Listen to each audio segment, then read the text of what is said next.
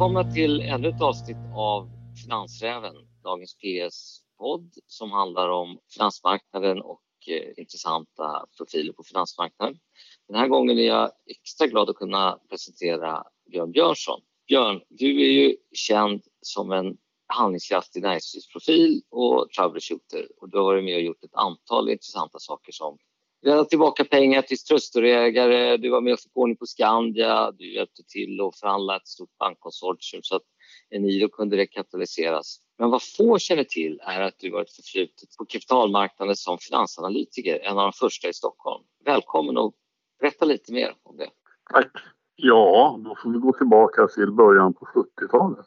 Jag började arbeta i Stockholms enskilda bank och när den banken fusionerades med Skandinaviska banken och bildade SEB. Då helt plötsligt så blev jag en blivande finansanalytiker och arbetade under Björn Karlsson i fem år som var på den tiden lite the grand old man när det gäller eh, aktiemarknadsanalys. Och där fick jag min, min utbildning. Det var först en verksamhet som hette aktiv placeringstjänst med ett par stycken analytiker och diskretionär kapitalförvaltning för de större notariatkunderna, om jag kommer ihåg det hela rätt. Sen skötte även den här lilla enheten de första aktiefonderna. Men lagstiftningen ändrades så att, eh, jag kommer inte riktigt ihåg vilket år, men 74-75 så bildade man eh, separata dotterbolag för att sköta aktiefonderna. Och då satte man aktiv placering på bolag som kom att heta Aktiv placering AB. Och vi som då var anställda där, vi på den enheten, vi gick över i det här dotterbolaget. Och där var jag en av tre, fyra analytiker, finansanalytiker. Det var så det började. Hur såg dagarna ut då? Ja, finansanalys var lite annorlunda på den tiden. Väldigt mycket av arbetet gick ut på att läsa årsredovisningar och sitta och räkna och försöka bilda sig en uppfattning om hur de framtida vinsterna skulle utveckla sig kombinerat med ganska många företagsbesök. Var det öppnare då? Var det lättare att få information? Idag är det ganska uppstyrt allting. Nej, det var ju lite vilda västern ärligt talat. Det var inte reglerat riktigt. De flesta företagen hade ju inte någon IR-avdelning till, till att börja med. Fanns ju överhuvudtaget inte, inte gång namnet utan man hade kontakt med ekonomi eller finanschefen och VD när det gäller att ringa och fråga om delårsrapporter och eh, ställa frågor om årsredovisningen och även boka in företagsbesök. De flesta tyckte det var kul när vi unga finansanalytiker ville komma ut och besöka verkligheten. Men väldigt mycket av arbetet gick ut på att vara lite detektiv eftersom den finansiella informationen var ganska rudimentär på den tiden. Både i form av eh, pressreleaser och den informationen som man kunde läsa sig till i årsredovisningarna. Så det gällde att man skulle kunna redovisning och vara duktig på att räkna. Och sen lite sunt förnuft för att förstå hur bolagen fungerade. Och mycket detektivarbete. Det låter som det var inte så genomlyst på den tiden. Eh, hittade du nå någonting sådär eh, helt otippat som man idag skulle vara självklart att det var känt? Ingenting som jag kommer ihåg på rak arm. Men det kunde väl hända ibland att eh, framförallt ekonomicheferna i de medelstora företagen, de kunde ju omedvetet släppa ifrån sig det som vi idag skulle kalla för inside information. För de var så glada över att det var någon som kom från Stockholm och var intresserad av deras verksamhet överhuvudtaget. Det var inte så många som var ute och besökte företag vi måste komma ihåg att det var ett ganska nytt eh, arbete nästan det här. Jag tillhörde den andra generationen finansanalytiker och när jag kom in i föreningen, Sveriges finansanalytikers förening, då tror jag att det var ungefär 30-35 medlemmar. Då var analytiker på stora bankerna och på Öhman och bankirfirman Alfredberg. Annars var det inga andra. Många medelstora företag de använde sig inte av kapitalmarknaden egentligen. Så kunskapen om kapitalmarknaden och aktiemarknaden var ganska låg. Så det var ju lite eh, nybyggaraktiviteter vi höll på med. Att bilda oss en uppfattning om hur det gick för de här bolagen, hur man skulle värdera aktierna. Så mitt jobb det var att besöka företag och, och, och komma hem till Björn Karlsson som var en tuff chef och tala om vad jag trodde om företagen och eh, hur vinsterna skulle se ut de närmaste två åren som underlag för förvaltningen. Man har ju svårt att se Björn Björnsson framför sig som en rookie. Hade du några mentorer på den tiden? Förutom Björn Karlsson, var det några andra sådana förebilder som du hade? Det var ju då en, en, eh, de äldre finansanalytikerna. Det fanns något som hette Karlsson-Lundman-modellen men det är väl knappast någon som kommer ihåg idag. Ulf Lundman och Björn Karlsson. Jag tror att de listade samtidigt på EFI, eh, heter det väl då? Den högre utbildningen på Handelshögskolan. Och som var det Claes Dinkelspiel och eh, Johan Björkman. Vi hade ju inte så mycket social kontakt utan det var mest arbete. Men jag hade väl en mentor, eller fadde, som inte var finansanalytiker. Och det var en eh, man hette inte bankdirektör på den tiden, man var här i Stockholms enskilda bank som hette Erik Tandberg. Han var min mentor under alla år och sen blev han en god vän. Men han var inte finansanalytiker. Han var lite mentor till många av de yngre personerna i Stockholms enskilda bank. Han hade ett stort kontaktnät i näringslivet och det var en, en farbror som man kunde prata väldigt öppet med om både arbete och privat. Så det var viktigt för mig. Under alla de här åren som du ändå har varit på finansmarknaden i olika former. Hur skulle du beskriva de förändringarna som har varit? Den viktigaste förändringen det är regelverken. Idag är det ju svårt för de yngre att förstå hur vi levde under valutareglering och Riksbankens eh, restriktioner. Och investera i utländska aktier var kanske inte att tänka på? Man fick betala switchvaluta som, var, som Riksbanken bestämde sig för att den skulle vara 16 procent. Det fanns ju en liten utlandsfond som hette Scandifond fond om jag kommer ihåg det rätt med bara utländska aktier som Björn Karlsson var ansvarig för. Och eh, det byggde ju på att SE-banken hade då en ganska stor andel utav den totala switchvalutan tror jag som var tillgänglig för svenska placerare. Så innan vi ändrade det här så, så var ju det här... Eh, vi levde ju en egen liten ankdamm i Sverige och det förde med sig väldigt konstiga saker. Det blev ju då, när vi då hade en fast växelkurs också, så skapade vi en inhemsk inflation och eh, ja, det ledde ju till den här bankkrisen så småningom. Men allting var ju väldigt reglerat när Riksbanken bestämde sig vad räntan skulle vara till exempel. Och de stora institutionerna blev tvingade att placera i bostadsobligationer. Det var en väldigt reglerad eh, ekonomi överhuvudtaget så kapitalmarknaden, det var, det var ingen riktig kapitalmarknad egentligen. Det lilla andningshålet som fanns, det var aktiemarknaden. Den stora förändringen som kom när det började bli förändringar det var ju när Gösta Bohman introducerade allemansfonderna. Ja. Det gjorde att det intresset, eh, aktiefondsintresset till Sverige då, i min värld, skapades mycket tack vare de här fonderna. Och det skapade också ett aktieintresse i största allmänhet parallellt med att aktiespararna växte som organisation.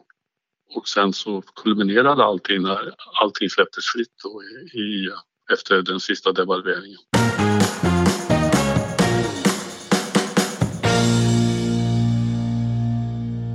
Är du fortfarande aktiv på aktiemarknaden? Ja, jag följer med ganska väl vad som händer. Men jag är inte den som har köpt och sålt aktier allt för mycket utan jag väl mer lite långtråkig, långsiktig investerare. jag följer med ganska gott men jag är inte aktiv, det kan jag inte påstå. Har du någon käpphäst när du investerar? Oh, jo, det har jag väl. Det har väl alla mer eller mindre. För mig är det viktigaste att försöka skilja mellan risk och osäkerhet som jag märker att många har svårt för att göra. Blandar ihop de här komponenterna i sin egen lilla modell. Ganska, det är ganska lätt att göra om man inte tänker efter. Om jag tittar på ett bolag så vill jag försöka förstå vad bolaget håller på med. Jag måste bilda min egen uppfattning om företagsledningen, om produkterna och framtiden. Och sen kan jag då utvärdera om det är hög eller låg risk och tänka efter olika scenarier. Det, det ingår så att säga i beslutsmodellen. Steget är inte så jättelångt från risk till osäkerhet när man inte har någon aning om vad utfallet kan bli. Och det är ännu svårare att sätta risk på det då. Du kan ju ta ett forskningsbolag till exempel. Om man forskar nytt läkemedel eller vad det nu är för något. Då är det väl normalt sett ganska binärt utfall. Det är antingen eller. Och då är det jättesvårt för mig som placerare att ha en uppfattning om vad sannolikheten är att det ska gå bra respektive dåligt eller risken att det ska gå dåligt. Och sånt vill jag inte gärna hålla på med. Jag vill kunna utvärdera riskerna.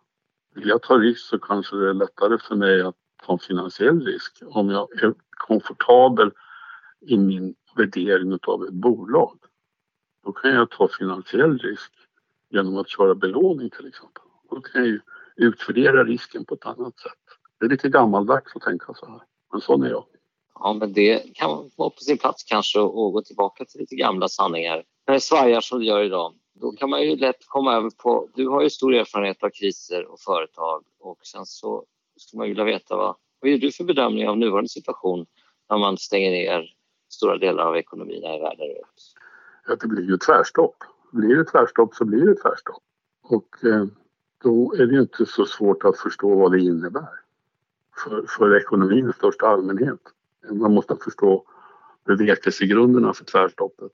Om prioriteringen är att eh, till ett mycket högt pris klara sjukvården för de som verkligen drabbas av coronakrisen, då stannar hela samhället in.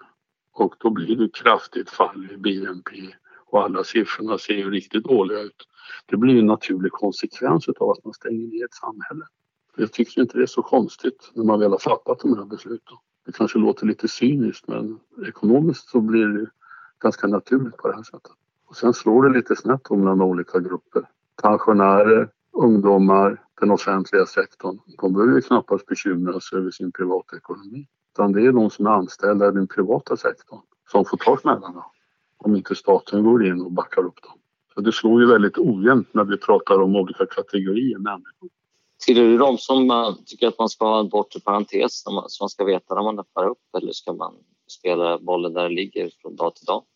Jag utgår ifrån att den bortre parentesen, den kan man inte sätta utan den måste vara när sjukvården kan hantera de, de som drabbas hårdast av detta virus. När man vet att sjukvården klarar av den kapaciteten som behövs för att klara de människorna, då tror jag att man kan lätta på då kommer det fram en parentes. Rimligtvis så borde politikerna tänka på, resonera på det sättet tycker jag. Så har vi en situation där ekonomierna är mer eller mindre i fritt fall och så kommer aktiemarknaden och bara tvärvänder och går upp. Vad har du någon reflektion kring de här terrakasten med din erfarenhet? Det ena är ju tack vare, eller på grund av att det finns så jättemycket pengar i omlopp. Och det är en konsekvens av den politik som centralbankerna har fört under ganska många år nu. Vi sa ju då i höstas att nu skulle vi se slutet på Q3, det tredje avsnittet utav quantitative easing. Men det har ju då ersatts av quantitative indefinitely. Så det finns hur mycket pengar som helst, det är den ena förklaringen. Och den andra förklaringen, det är nog att eh, de stora drakarna har blivit ännu större. Och det är ETFer som handlas. Och det är väldigt lätt att köpa och sälja stora belopp på aktiemarknaden när du har lite nervöst på marknaderna så blir det stor omsättning och då ser man ganska, som Ingmar Stenmark sa, då blir det slaget i backen. Men jag tror att den viktigaste komponenten för mig, och jag är förvånad över att det inte har varit större diskussion om det, och det hänger ihop med att räntorna är ju i praktiken noll nu i genomsnitt. Och då kommer de här intressanta aspekterna upp. Hur bör man så för att diskontera framtiden när räntan är noll? Om du tror att vi får bukt med eh, epidemin så ska ju rimligtvis hjulen börja snurra lite långsamt under sommaren här och sen öka takten. Och förr eller senare kommer väl industrin och företagen tillbaka till samma läge som det var i höstas. Det borde vara så i alla fall.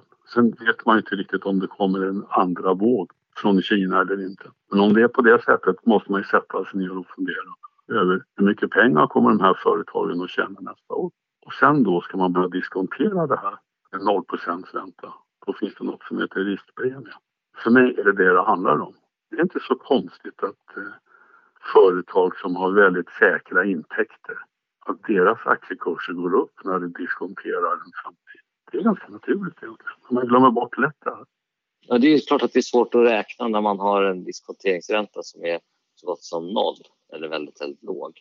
Men känns det som att faran för aktiemarknaden är över? Eller kommer vi få en nedgång till tror du?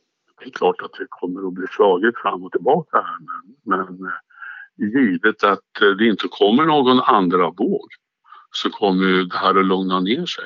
Då har jag svårt att se att det ska vara något större. Då ser jag inte några eh, jättestora problem faktiskt. Marknaden har ju i all sin enkelhet för det mesta ganska rätt. Men det betyder ju inte att man kan ha en jättebestämd uppfattning om vad ska vi ta Volvo-kursen om den ska vara 150 eller 100 eller 90 eller 125 till exempel. Men det är inte så att den kommer att sjunka till noll. Världen kommer inte gå under den här gången. Det tror jag inte. Marknaderna har en förunderlig eh, egenskap att eh, alltid hantera sånt på ett eller annat sätt. Man får ju se om sitt hus bara, det får man ju alltid göra. Är det några aktier du tycker är särskilt köpvärda på den här nivån? Ah, det är svårt att... Jag är inte den som är sån stockpicker numera, jag följer inte med på det sättet. Men det är klart, när man tittar på kurserna så finns det ju ett och annat eh, bolag där, där aktiekursen har gått ner ganska mycket. Om man funderar på hur aktiemarknaden värderar saker och ting. Om inte världen ska gå under så borde ju Volvo-kursen till exempel kännas ganska trygg. Jag tror att det finns en politisk osäkerhet där kring ägandet som gör att du får en discount, allt annat lika på Volvo-aktien. Sen eh, har jag tittat på bankerna förstås.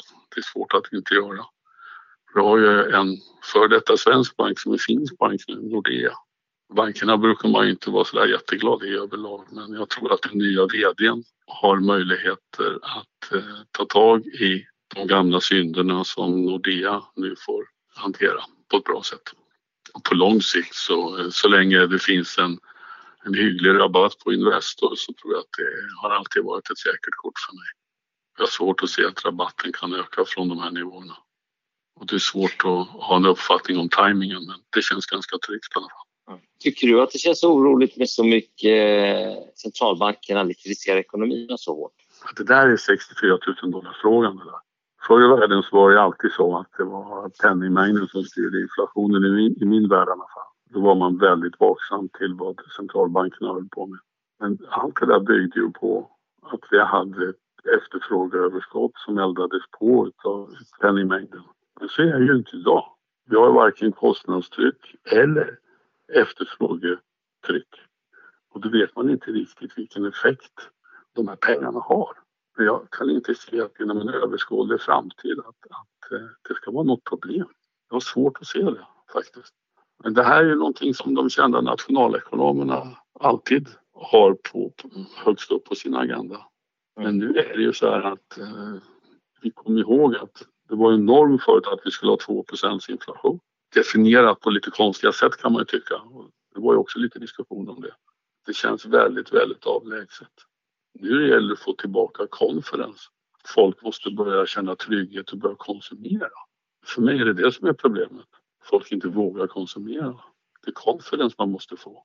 Att man överlever, att marknaderna och länderna och ekonomierna överlever. Vi har väl aldrig haft så hög sparkvot inbillar jag mig i Sverige som mars-april månad det här året. Men man, man vill ju att de här pengarna ska börja rulla. Det har ju nästan varit svårt att konsumera, åtminstone går till egen del. Man kan inte resa, det är svårt. Man blir inte stimulerad att göra någonting när man sitter hemma. Nej, det är Netflix. Och man kan inte, det kostar inte så mycket. Nej, man kan inte köpa så många Netflix-abonnemang. Marginalnyttan av det är ganska begränsad. Ja, det är lite upp och nervända världar vi har nu.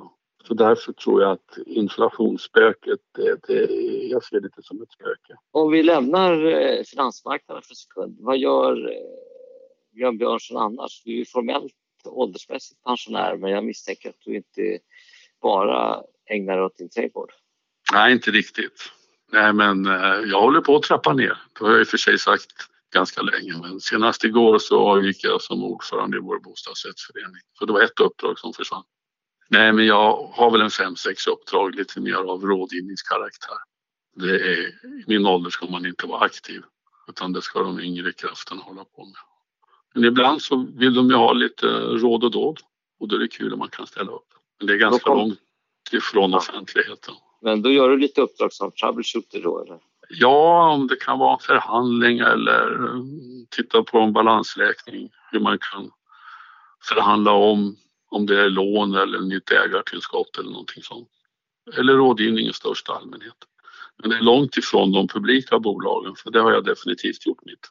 Man ska aldrig säga aldrig förresten men var sak har sin tid. Jag läser mycket. Jag läser Financial Times och The Economist från time to time. Då känner jag mig hyggligt uppdaterad om vad som händer här i världen. Vi börjar komma till slutet av den här avsnittet av Finansräven. Eh, jag skulle vilja tacka dig för dina kloka ord Björn och önska dig en väldigt fin sommar. Tack så mycket, detsamma. Tack. Hej.